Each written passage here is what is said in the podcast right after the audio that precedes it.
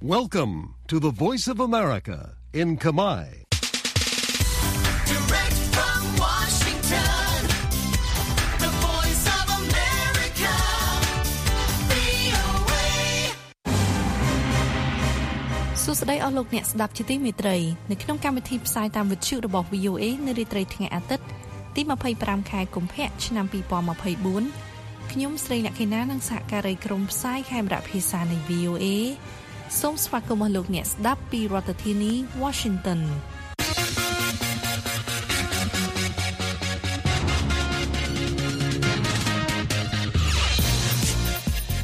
នៅក្នុងការផ្សាយរបស់ VOA ជាបន្តបន្តទៅនេះយើងមានសេចក្តីរាយការណ៍អំពីឧបការីអាមេរិកទទួលបន្ទុកកិច្ចការក្នុងតំបន់ធ្វើដំណើរទស្សនកិច្ចមកកាន់កម្ពុជា ការបោះឆ្នោតជ្រើសតាំងសមាជិកប្រសិទ្ធិកម្ពុជាចាប់ផ្ដើមនៅថ្ងៃអាទិត្យនេះ ជនភៀសខ្លួនអ៊ុយក្រែនដែលបាត់បង់ទីលំនៅរាប់លាននាក់កំពុងប្រឈមអនាគតមិនប្រកបប្រជាគណៈកម្មាធិការអូឡ িম্প ិករុស្ស៊ីចាញ់ក្នុងការតវ៉ាប្រឆាំងនឹងការផ្ជួសមាជិកភាពខ្លួននៅក្នុងគណៈកម្មាធិការអូឡ িম্প ិកអន្តរជាតិអតីតប្រធានធនាគារ Bank of China ត្រូវបានចោទប្រកាន់ពីបទស៊ីសំណូកតទៅទីនេះសូមលោកអ្នកនាងស្ដាប់សេចក្តីរាយការណ៍ទាំងនេះដូចតទៅ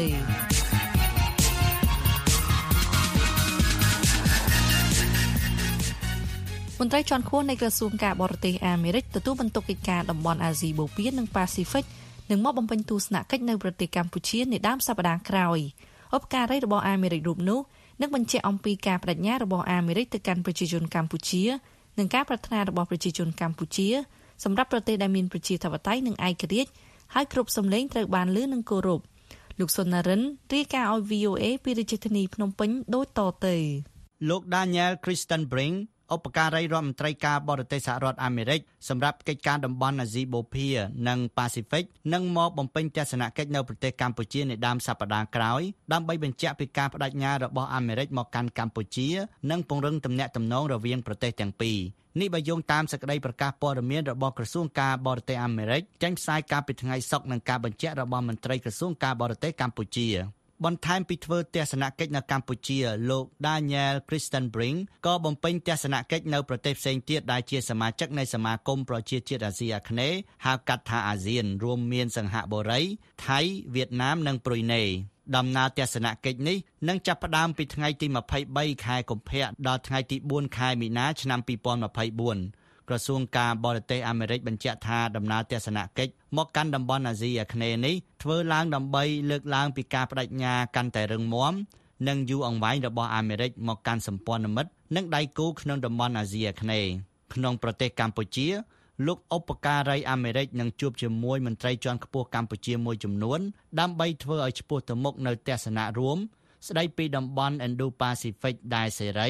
ប្រកបដោយវិបុលភាពមានសន្តិសុខនិងមានភាពធន់នេះបើយោងតាមក្រសួងការបរទេសអាមេរិកសេចក្តីប្រកាសព័ត៌មានរបស់ក្រសួងការបរទេសអាមេរិកបញ្ជាក់ក្នុងន័យដើមថាលោកឧបការីនឹងបញ្ជាក់អំពីការបដិញ្ញារបស់សហរដ្ឋអាមេរិក ទៅកាន់ប្រជាជនកម្ពុជានឹងការប្រាថ្នារបស់ពួកគេសម្រាប់ប្រទេសដែលមានប្រជាធិបតេយ្យនិងឯករាជ្យហើយគ្រប់សម្លេងត្រូវបានលើនិងគោរពហើយអធិបតេយ្យភាពរបស់កម្ពុជាត្រូវបានការពារអ្នកនាំពាក្យក្រសួងការបរទេសកម្ពុជាលោកជុំសន្តិរីប្រាប់ VOA នៅថ្ងៃសៅរ៍ថាដំណើរទស្សនកិច្ចនេះកំពុងត្រូវបានរៀបចំសម្រាប់ថ្ងៃទី26និង27ខែកុម្ភៈ លោកបន្ថែមថាការធ្វើទស្សនកិច្ចនេះនឹងលើកកម្ពស់បន្ថែមទៀតនៅទំនាក់ទំនងរវាងប្រទេសទាំងពីរហើយជាឱកាសមួយសម្រាប់ភាគីទាំងពីរផ្លាស់ប្តូរយោបល់គ្នាលើបញ្ហាតំបន់និងអន្តរជាតិលោកជុំសន្តិរីមិនទាន់អាចបញ្ជាក់ថាតើលោកឧបការីរូបនោះនឹងជួបជាមួយលោកនាយករដ្ឋមន្ត្រីហ៊ុនម៉ាណែតឬយ៉ាងណា អ្នកស្រី Gasi Amparo អ្នកនាំពាក្យរបស់ស្ថានទូតអាមេរិកប្រចាំនៅកម្ពុជាក៏មិនទាន់អាចបញ្ជាក់ថាតើលោកឧបការីនឹងជួបជាមួយលោកនាយករដ្ឋមន្ត្រីហ៊ុនម៉ាណែតឬយ៉ាងណាអ្នកស្រីបញ្ជាក់ថាលោកឧបការីនឹងជួបជាមួយមន្ត្រីកម្ពុជាមួយចំនួន ដំណើរទស្សនកិច្ចរបស់មន្ត្រីជាន់ខ្ពស់នៃក្រសួងការបរទេសសហរដ្ឋអាមេរិកកើតឡើងនៅគ្រាដែលសមាគមអាស៊ានព្រួយបារម្ភទៅលើភាពតានតឹងភូមិសាស្ត្រនយោបាយដែលកាន់តែកើនឡើងខ្លាំងក្នុងតំបន់និងស្របពេលដែលសមាគមអាស៊ានមួយចំនួនក្នុងនោះមានកម្ពុជាផងដែរត្រូវបានគេមើលឃើញថាកាន់តែខិតទៅរកប្រទេសចិនលោកឧបការីរដ្ឋមន្ត្រី Kristen Brink ធ្លាប់មកបំពេញទស្សនកិច្ចនៅប្រទេសកម្ពុជាចំនួន2លើកកាលពីឆ្នាំ2022គឺនៅក្នុងខែឧសភានិងក្នុងខែកក្កដាដែលកាលនោះកម្ពុជាធ្វើជាប្រធានបដូវវេនសមាគមអាស៊ាន នាយកទទួលបន្ទុកកិច្ចការទូតនៅអង្គការការពារសិទ្ធិមនុស្សលីកាដូលោកអំសំអាតថ្លែងថាមន្ត្រីរដ្ឋាភិបាលអាមេរិកដែលមកកម្ពុជាតែងតែលើកឡើងពីការពង្រឹងលទ្ធិប្រជាធិបតេយ្យនិងការគោរពសិទ្ធិមនុស្សដោយសារតែកម្ពុជាជាប្រទេសដែលប្រកាន់លទ្ធិប្រជាធិបតេយ្យសេរីពហុបកកន្លងមកនេះយើងឃើញថាមានភាពចម្រូងចម្រាសច្រើនដែរតកតងនឹង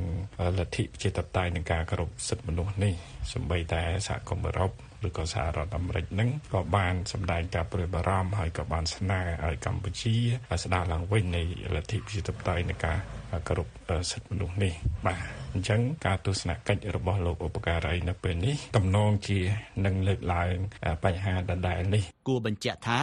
នៅពេលមកកម្ពុជាកាលពីខែវិច្ឆិកាឆ្នាំ2022 ប្រធានាធិបតីអាមេរិកលោកโจ Biden ធ្លាប់បានអំពាវនាវឲ្យដោះលែងសកម្មជនដែលត្រូវបានឃុំខ្លួនក្នុងនោះមានកញ្ញាសេងធីរីមេធាវីខ្មែរអាមេរិកកាំងផងដែរដែលត្រូវបានតុលាការកាត់ទោសដាក់ពន្ធនាគាររយៈពេល6ឆ្នាំពីបទរួមគំនិតក្បត់និងបទញុះញង់ឲ្យមានភាពវឹកវរធ្ងន់ធ្ងរដល់សន្តិសុខសង្គមតាក់ទងនឹងផែនការមាតុភូមិនិវត្តន៍មិនជោគជ័យរបស់លោកសំរងស៊ីកាលពីចុងឆ្នាំ2019 រាយការណ៍ពីរាជធានីភ្នំពេញខ្ញុំសុននរិន VOA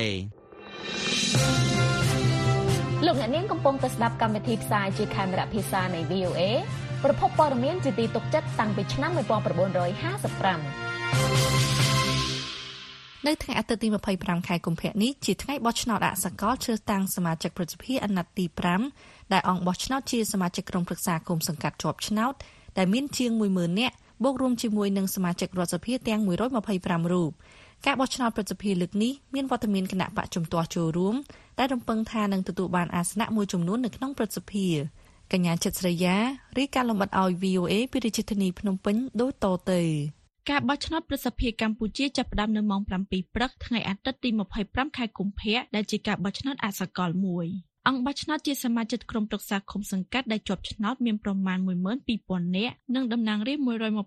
125រូបដែលភាគច្រើនមកពីគណៈបកប្រជាជនកម្ពុជាការបោះឆ្នោតមួយនេះមានការចូលរួមពីគណៈបកជំទាស់ដែលនឹងប្រគល់ប្រជែងជាមួយគណៈបកខណ្ឌអំណាចក្នុងការជ្រើសតាំងសមាជិកសភាចំនួន58រូបក្នុងចំណោមអាសនៈសរុបចំនួន62កា របោះឆ្នោតប្រសិទ្ធភាពនេះធ្វើឡើង6ឆ្នាំម្ដងសម្រាប់មួយអាណត្តិកាលពី6ឆ្នាំមុនការបោះឆ្នោតជ្រើសតាំងសមាជិកប្រសិទ្ធភាពនេះមិនមានវត្តមានគណៈបកជំទាស់ឡើយដោយសារការរំលាយគណៈបកសង្គ្រោះជាតិហើយអង្គបោះឆ្នោតដែលជាប់ឆ្នោតរបស់អតីតគណៈបកសង្គ្រោះជាតិត្រូវបែងចែកឲ្យគណៈបកកាន់អំណាចគណៈបកនយោបាយ4បានចូលរួមប្រគល់ប្រជែងការបោះឆ្នោតមួយនេះរួមមានគណៈបកប្រជាជនកម្ពុជាគណៈបកឆន្ទៈខ្មែរគណៈបកហ្វុនស៊ិមពេចនិងគណៈបកកម្លាំងជាតិ គណៈបកប្រជាជនកម្ពុជាត្រូវបានមើលឃើញថានឹងឈ្នះអាសនៈភាគច្រើនបើទោះមានគណៈបកជំទាស់មួយចំនួនចូលរួមប្រកួតប្រជែងក៏ដោយចំណែកគណៈបកភ្លើងទៀនដែលមានសមាជិកក្រុមប្រឹក្សាសរុបប្រមាណ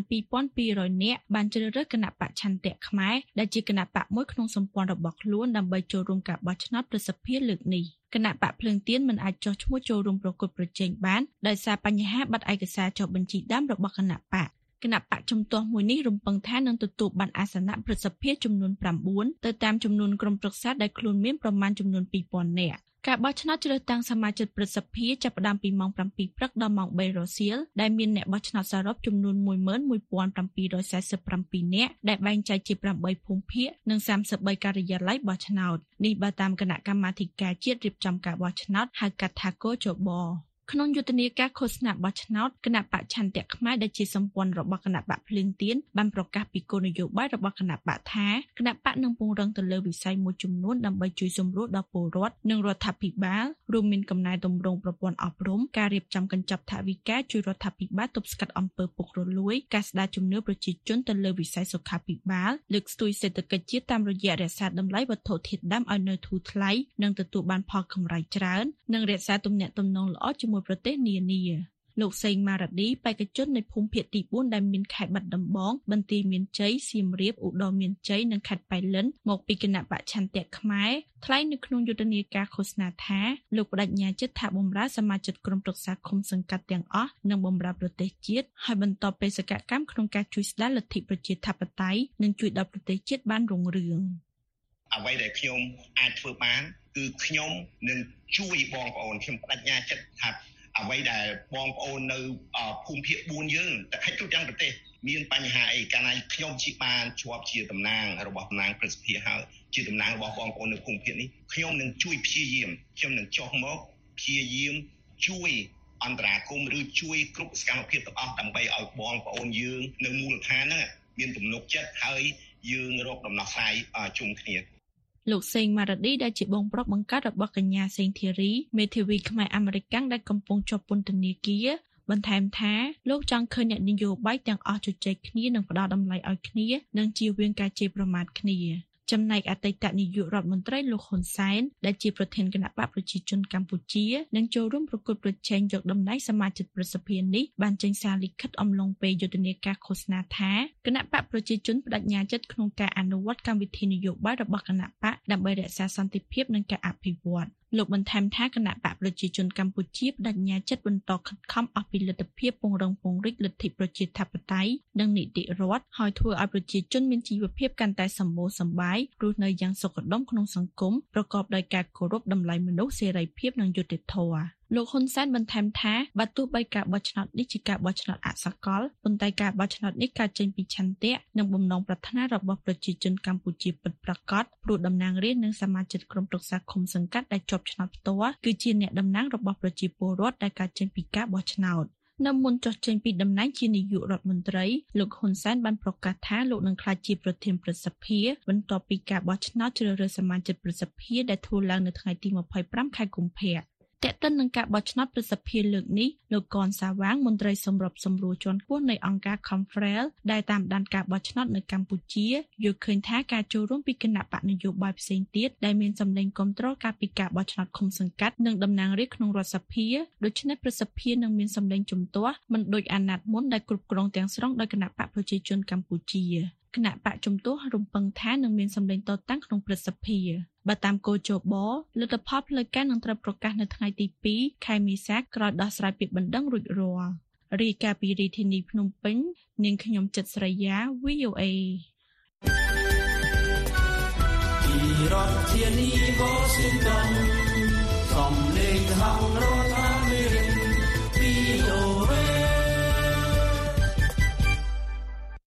ជនភៀសខ្លួនអ៊ុយក្រែនរាប់លាននាក់កំពុងប្រឈមអនាគតមិនប្រកបប្រជា ស្របពេលការសិក្សាដោយទីភ្នាក់ងារ UNHCR បង្ហាញថា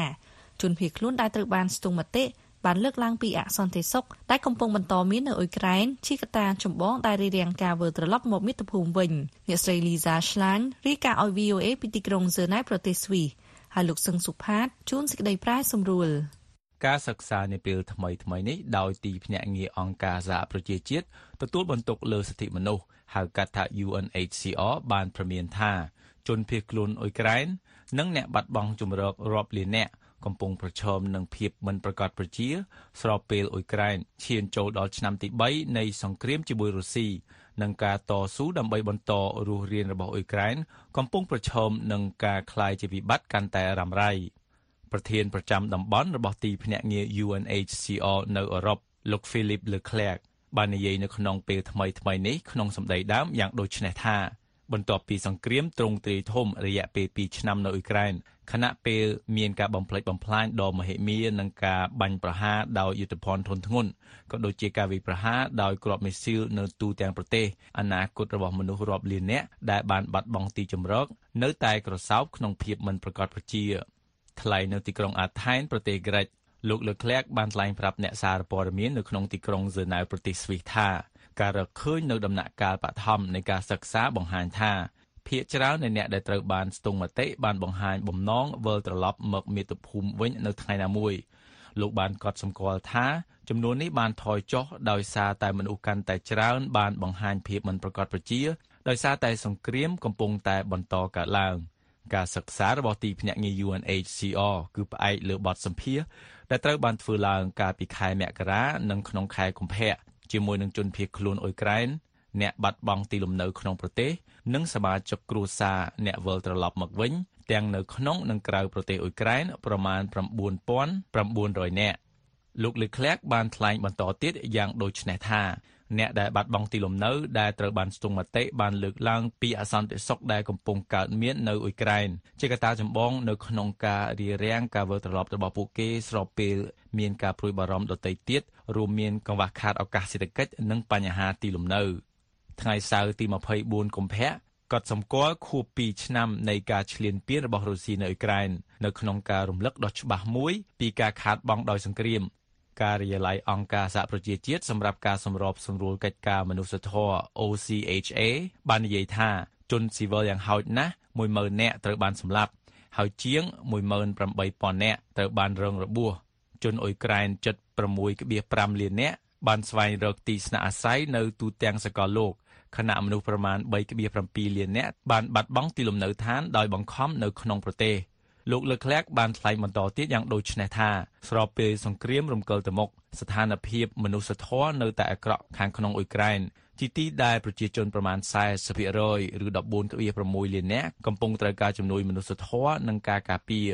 ដោយលោកក៏សម្គាល់ថាខែកុម្ភៈនេះក៏កត់សម្គាល់រយៈពេល10ឆ្នាំចាប់តាំងពីសង្គ្រាមនៅភាគខាងកើតអ៊ុយក្រែនបានចាប់ផ្ដើមឡើងផងដែរ។ បើទោះបីជាសង្គ្រាមមិនបានបង្ហាញសញ្ញាស្រាកស្រានលោកលេក្លែកថាជនភៀសខ្លួនអ៊ុយក្រែន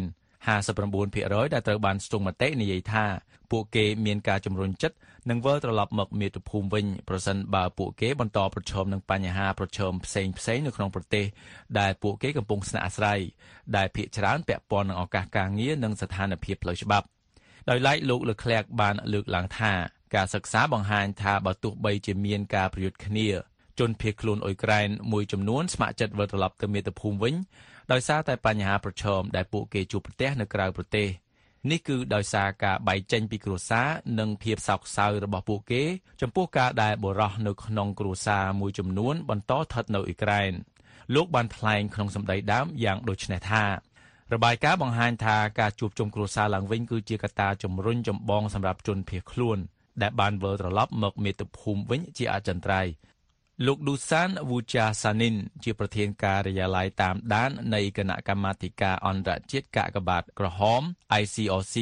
ដែលតាមដានចន្លោះប្រដាប់អាវុធរវាងរុស្ស៊ីនិងអ៊ុយក្រែនលោកនិយាយថាការងាររបស់លោកគឺស្វែងយល់ពីជោគវាសនានិងទីកន្លែងរបស់អ្នកដែលបានបាត់ខ្លួននៅក្នុងចំនួននេះលោកបានថ្លែងថាមកទល់នឹងពេលនេះនៅមានមនុស្ស23000នាក់ ដែលត្រូវបានរាយការណ៍ទៅគណៈកម្មការអន្តរជាតិកាកបាទក្រហមថាបានបាត់ខ្លួនហើយចំនួននេះបន្តកើនឡើងលោកវូចាសានីនបាននិយាយថាទាំងរុស្ស៊ីនិងអ៊ុយក្រែនបានគោរពកាតព្វកិច្ចដែលចែងក្រោមសន្ធិសញ្ញាក្រុងហ្សឺណែវឲ្យបង្កើតការិយាល័យព័ត៌មានជាតិលោកវូចាសានីនបន្តថាអ្នកដែលស្វែងរកសមាជិកគ្រួសារបានតាក់ទងទៅគណៈកម្មាធិការអន្តរជាតិកាកបាទក្រហមជារៀងរាល់ថ្ងៃលោកបានថ្លែងក្នុងសម្ដីដើមយ៉ាងដូចនេះថា យើងត្រូវបានគ្រួសារនានាតាក់ទងមកនៅក្នុងរយៈពេល2ឆ្នាំមកនេះជាង1សែនដង ហើយនៅក្នុងរយៈពេលនោះយើងបានបើកសំណើជាង31000ដើម្បីស្វែងរកអ្នកបាត់ខ្លួនលោកបាននិយាយទៀតថាមកទល់នឹងពេលនេះគណៈកម្មាធិការអន្តរជាតិកាកបាទក្រហមអាចបញ្ជាក់ពីជោគវាសនាមនុស្ស8000នាក់នៅក្នុងចំណោមអ្នកបាត់ខ្លួន31000នាក់ហើយបានផ្ដល់ព័ត៌មានដល់គ្រួសារពីជោគវាសនានិងទីកន្លែងរបស់ពួកគេ ប៉ុន្តែលោកបានលើកឡើងថាការងារនេះនៅមិនទាន់ចប់នៅឡើយទេដោយសារនៅមាន23000គ្រួសារដែលមិនទាន់ទទួលបានព័ត៌មានពីអ្វីដែលបានកើតឡើងចំពោះសាច់ញាតិរបស់ពួកគេនៅឡើយពីរដ្ឋធានី Washington ខ្ញុំសង្សុផាត VOA អស់លោកអ្នកនាងកំពុងតែស្ដាប់កម្មវិធីផ្សាយបន្តផ្ទាល់របស់ VOA ពីរដ្ឋធានី Washington កាលពីថ្ងៃសុក្រ គណៈកម្មាធិការអូឡ িম্প ិករុស្ស៊ីបានចាញ់នៅក្នុងការតវ៉ារបស់ខ្លួនដល់តុលាការអាជ្ញាកណ្ដាលខាងកីឡាប្រឆាំងនឹងគណៈកម្មាធិការអូឡ িম্প ិកអន្តរជាតិដែលបានព្យួរសមាជិកភាពរបស់រុស្ស៊ីដោយសារបានបញ្ចូលអង្គការកីឡា4តំណាងតំបន់កាន់កាប់ដោយរុស្ស៊ីនៅក្នុងផ្នែកខាងកើតប្រទេសអ៊ុយក្រែនការព្យួរសមាជិកភាពនេះរារាំងគណៈកម្មាធិការអូឡ িম্প ិករុស្ស៊ីមិនឲ្យទទួលបានប្រាក់កាសប៉ុន្តែពួកអត្តពលិកនឹងនៅតែអាចប្រកួតបាន លោក Samuel Wayman រាយការណ៍ឲ្យ VOA ហើយលោកឈឹមសូមេតជួនសេចក្តីប្រាយសម្រួល តុលាការអាជ្ញាកណ្ដាលខាងកីឡា CAS បានចាញ់ចោលការតវ៉ារបស់គណៈកម្មាធិការអូឡ িম্প ិករុស្ស៊ីដោយនិយាយថាការផ្អាកសមាជិកភាពរបស់រុស្ស៊ីដោយគណៈកម្មាធិការអូឡ িম্প ិកអន្តរជាតិមិនរំលោភគោលការណ៍នៃនីតិអនុគមភាពសមភាពភាពអាចទស្សទាយជាមុនបាន ឬភាពមានសមាមាត្រទេគណៈកម្មាធិការអូឡ িম্প ិកអន្តរជាតិបានឆ្លើយតបនឹងការចាញ់ចោលការតវ៉ានេះនៅក្នុងសេចក្តីថ្លែងការណ៍មួយថាពួកគេពេញចិត្តថាតុលាការអាជ្ញាកណ្ដាលខាងកីឡាបានបញ្ជាក់អំពីសេចក្តីសម្រេចព្យួរសមាជិកភាពនៃគណៈកម្មាធិការអូឡ িম্প ិករុស្ស៊ីគណៈកម្មាធិការអូឡ িম্প ិកអន្តរជាតិបានថ្លែងថាសេចក្តីសម្រេច របស់ក្រុមប្រឹក្សាប្រតិបត្តិរបស់ខ្លួនធ្វើក្រោយសេចក្តីសម្រេចជាឯកតោភាគីដោយគណៈកម្មាធិការអូឡ িম্প ិករុស្ស៊ី ROC កាលពីថ្ងៃទី5តុលា2023ដើម្បីបញ្ចូលជាសមាជិកខ្លួននៅអង្គការកីឡាក្នុងតំបន់ដែលស្ថិតនៅក្រោមអំណាចគណៈកម្មាធិការអូឡ িম্প ិកជាតិអ៊ុក្រែនតំបន់ទាំង4នោះគឺតំបន់ Luhansk, Donetsk, Kherson និងតំបន់ Zaporizhia ដែលត្រូវបានកាន់កាប់ទាំងស្រុងឬដោយផ្នែកដោយកងកម្លាំងរុស្ស៊ីតាំងពីការចាប់ផ្ដើមការលុកលុយពេញទំហឹងរបស់រុស្ស៊ីក្នុងប្រទេសអ៊ុក្រែនកាលពី2ឆ្នាំមុនគណៈកម្មាធិការអូឡ িম্প ិករុស្ស៊ី ROC បានតវ៉ាទៅតុលាការអាជ្ញាកណ្ដាលខាងកីឡា CAS ឲ្យលុបចោលការហាម5នោះដើម្បីត្រូវបានទទួលស្គាល់ ជាគណៈកម្មាធិការអូឡ িম্প ិកជាតិត្រឹមត្រូវតាមច្បាប់និងដើម្បីទទួលសិទ្ធិទាំងអស់តាក់ទងនឹងឋានៈនេះកាលពីខែតុលាឆ្នាំមុនគណៈកម្មាធិការ ORC បានចេញសេចក្តីថ្លែងការណ៍មួយ អំពីការហាម5នេះដោយនិយាយថាសេចក្តីសម្រេចរបស់គណៈកម្មាធិការអូឡ িম্প ិកអន្តរជាតិ IOC គ្មាន ប្រសិទ្ធភាពទេ ដោយមានតេតិននឹងនយោបាយយ៉ាងច្បាស់លាស់គណៈកម្មាធិការនេះបានបន្ថែមថាខ្លួនរក្សាសិទ្ធិក្នុងការការពារផលប្រយោជន៍របស់ខ្លួនផ្ទាល់និងផលប្រយោជន៍របស់ក្រុមអតពលិកនិងអង្គការនៃប្រទេសអធិបតេយ្យមួយ ដែលអង្គការនេះតំណាងដោយសុទ្ធចិត្តការហាម5ដែលគណៈកម្មាធិការអូឡ িম্প ិករុស្ស៊ី ROC បានតវ៉ាប្រឆាំង បានដកសិទ្ធិរបស់រុស្ស៊ីក្នុងការទទួលប្រកាសប៉ុន្តែអត្តពលិកជាបុគ្គលមកពីរុស្ស៊ីនៅតែអាចត្រូវបានអនុញ្ញាតឲ្យប្រកួត នៅក្នុងកីឡាអូឡ িম্প ិកនៅទីក្រុងប៉ារីនៅឆ្នាំនេះដរាបណាពួកគេតំណាងខ្លួនឯងជាអ្នកអភិជាក្រិតដោយគ្មានទង់ជាតិរុស្ស៊ីឬរូបសញ្ញាអ្វីឡើយបើតាមតុលាការអញ្ញាកណ្ដាលខាងកីឡា CAS ថា រុស្ស៊ីនៅតែអាចតវ៉ាដល់តុលាការកំពូល Swiss ប្រឆាំងនឹងការហាម5នេះ CAS បាននិយាយថាសេចក្តីសម្រេចរបស់គណៈកម្មាធិការនេះ ជាការសម្រេចចុងក្រោយនឹងត្រូវគោរពតាម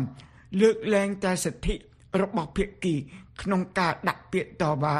ដល់តុលាការសហព័ន្ធស្វីសក្នុងរយៈពេល30ថ្ងៃដោយមានការកម្រិត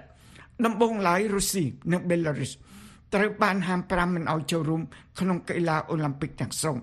ដោយសារការលុកលុយពេញទំហឹងរបស់រុស្ស៊ីក្នុងប្រទេសអ៊ុក្រែននិងមុខនីតិរបស់បេឡារុសក្នុងសង្គ្រាមនេះដែរតែយ៉ាងណាក៏ដោយក៏គណៈកម្មាធិការ IOC បានពោលថាខ្លួនមិនចង់ដាក់ទណ្ឌកម្មប្រឆាំងនឹងពួកអត្តពលិកដោយសារសកម្មភាពនៃរដ្ឋាភិបាលរបស់ពួកគេទេដូច្នេះក្រមអត្តពលិកមកពីប្រទេសទាំងពីរនេះ នៅតែអាចប្រកួតបានជាបុគ្គលដោយមិនតំណាងប្រទេសពួកគេឡើយពីរដ្ឋធានី Washington ខ្ញុំឈឹមសុមេត BOA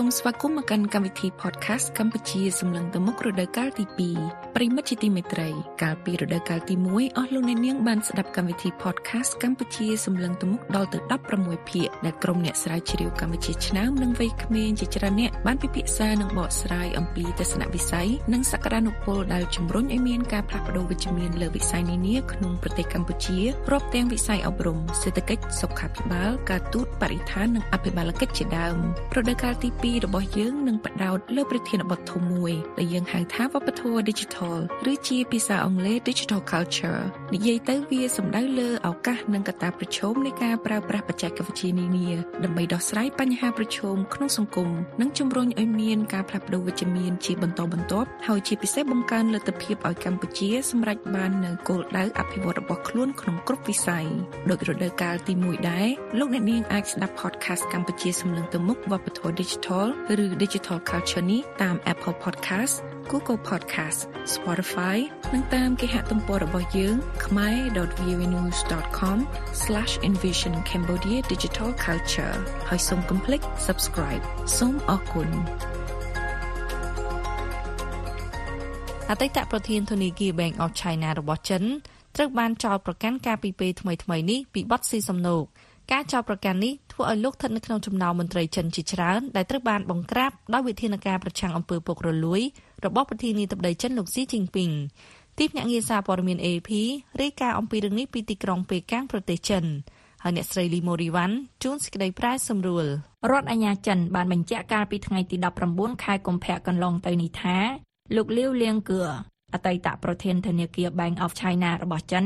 ត្រូវបានចោទប្រកាន់ពីបទស៊ីសំណូក ការចោទប្រកាន់នេះធ្វើឲ្យលោកលាវស្ថិតក្នុងចំណោមមន្ត្រីផ្នែកអាជីវកម្មនិងមន្ត្រីរដ្ឋាភិបាលជាច្រើនរូបដែលត្រូវបានបង្ក្រាបដោយវិធានការប្រឆាំងអំពើពុករលួយជាច្រើនឆ្នាំកន្លងមករបស់មេដឹកនាំចិនលោកស៊ីជីនពីង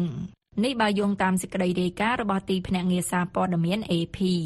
លោកលាវត្រូវបានចោទប្រកាន់ពីបទកេងប្រយោជន៍ពីមុខតំណែងរបស់លោកនៅធនាគារ Bank of China និងពីមុខតំណែងពីមុនរបស់លោកជាប្រធានធនាគារ Export Import Bank of China នេះបើយោងតាមការបញ្ជាក់របស់មហាអัยការចិន នៅក្នុងសេចក្តីថ្លែងការណ៍មួយ ដែលបង្ហោះនៅលើបណ្ដាញសង្គមអនឡាញទីភ្នាក់ងារសារព័ត៌មានស៊ីនហួររបស់រដ្ឋាភិបាលចិន បានឲ្យដឹងថា លោកលាវត្រូវបានចោទប្រកាន់ពីបទជួយអ្នកដទៃឲ្យទទួលបានកម្ចីនិងមុខតំណែងជាថ្នូរនឹងទ្រព្យសម្បត្តិនិងសាច់ប្រាក់និងពីបទផ្ដាល់កម្ចីដោយរំលោភលើបទបញ្ញត្តិនានាដែលបណ្ដាលឲ្យមានការខាតបង់ជាច្រើន បណ្ដឹងចោតប្រកាន់លើលោកលាវដែលត្រូវបានស៊ើបអង្កេតអស់រយៈពេលជាង10ខែមកហើយនេះត្រូវបានដាក់ជូនតុលាការក្នុងទីក្រុងជីណាន នៃខេត្តឆានតុងនៅភូមិខាងកើតប្រទេសចិនធនាគារ Bank of China ដែលជារបស់រដ្ឋនិងជាធនាគារមួយក្នុងចំណោមធនាគារធំធំទាំង4របស់ប្រទេសចិននេះមានវត្តមានយ៉ាងធំទូលំទូលាយនៅក្រៅប្រទេស យុទ្ធនាការប្រឆាំងអំពើពុករលួយ ដែលមានប្រជាប្រិយភាពក្នុងចំណោមសាធារណជន និងដែលបានអនុញ្ញាតឲ្យលោកស៊ីបំបិតមាត់គូប្រជែងនយោបាយរបស់លោកហាក់ដូចជាមិនបានបង្ហាញសញ្ញាណាមួយថានឹងចុះថមថយនោះឡើយមហាអัยការរបស់ប្រទេសចិន បានប្រកាសកាលពីខែមករាកន្លងទៅនេះថាលោកតាំងស៊ួងនីងអតីតប្រធានសហគ្រាស China Everbright Group ដែលជាធនាគារគ្រប់គ្រងដោយរដ្ឋមួយផ្សេងទៀត ត្រូវបានចាប់ខ្លួនក្រោមការសង្ស័យពីបទកេងបន្លំ និងស៊ីសំណូកនៅក្នុងករណីដូចនេះការផ្ដន្ទាទោសគឺជាលទ្ធផលដែលគេអាចស្ទើរតែសន្មត់ទុកជាមុនបានរួចស្រេចទៅហើយអតីតប្រធានក្រុមហ៊ុនគ្រប់គ្រងទ្រព្យសកម្មរបស់រដ្ឋលោកឡៃឆាវមីនត្រូវបានកាត់ទោសប្រហារជីវិតនៅឆ្នាំ2021ពីបទទទួលសំណូកអ្នកផ្សេងទៀតត្រូវបានកាត់ទោសឲ្យជាប់ពន្ធនាគាររយៈពេលវែង ទីភ្នាក់ងារសារព័ត៌មានស៊ីនហួរបានរាយការណ៍ថានៅក្នុងការថ្លែងសុន្ទរកថាទៅកាន់គណៈកម្មការវិន័យរបស់បកកុម្មុយនីចិនកាលពីដើមឆ្នាំនេះលោកស៊ីបានជំរុញឲ្យមានការខិតខំប្រឹងប្រែងបន្ថែមទៀតដើម្បីយកឈ្នះលើការប្រយុទ្ធដ៏លំបាកនិងចំណាយពេលយូរប្រឆាំងនឹងអំពើពុករលួយ ដោយលោកបាននិយាយថា ស្ថានភាពនេះនៅតែធ្ងន់ធ្ងរនិងស្មុគស្មាញរឿងពុករលួយនេះមិនត្រឹមតែកើតឡើងនៅក្នុងវិស័យហិរញ្ញវត្ថុប៉ុណ្ណោះទេ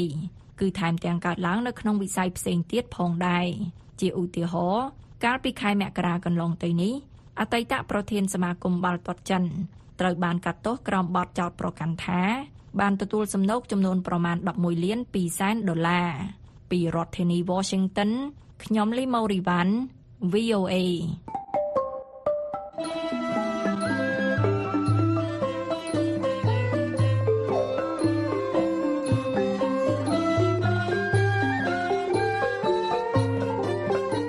ផ្សាយរបស់ VOA នៅព្រឹកនេះចប់តែប៉ុណ្ណេះប៉ុន្តែលោកអ្នកនាងនឹងអាចស្ដាប់ឬអានព័ត៌មានរបស់ VOA ឡើងវិញបាន តាមរយៈគេហទំព័រ khmae.voanews.com សំឡេងអ្នកនាងរងចាំស្ដាប់ការផ្សាយបន្តផ្ទាល់របស់យើងខ្ញុំនៅរាត្រីនេះពីម៉ោង8:30នាទីដល់ម៉ោង9:30នាទីតាមរលកវិទ្យុ 25m ត្រូវនឹងកម្រិត11695និង1575 kHz សំឡេងអ្នកនាងប្រកបដោយសុភមង្គលគ្រប់ប្រការ ạ.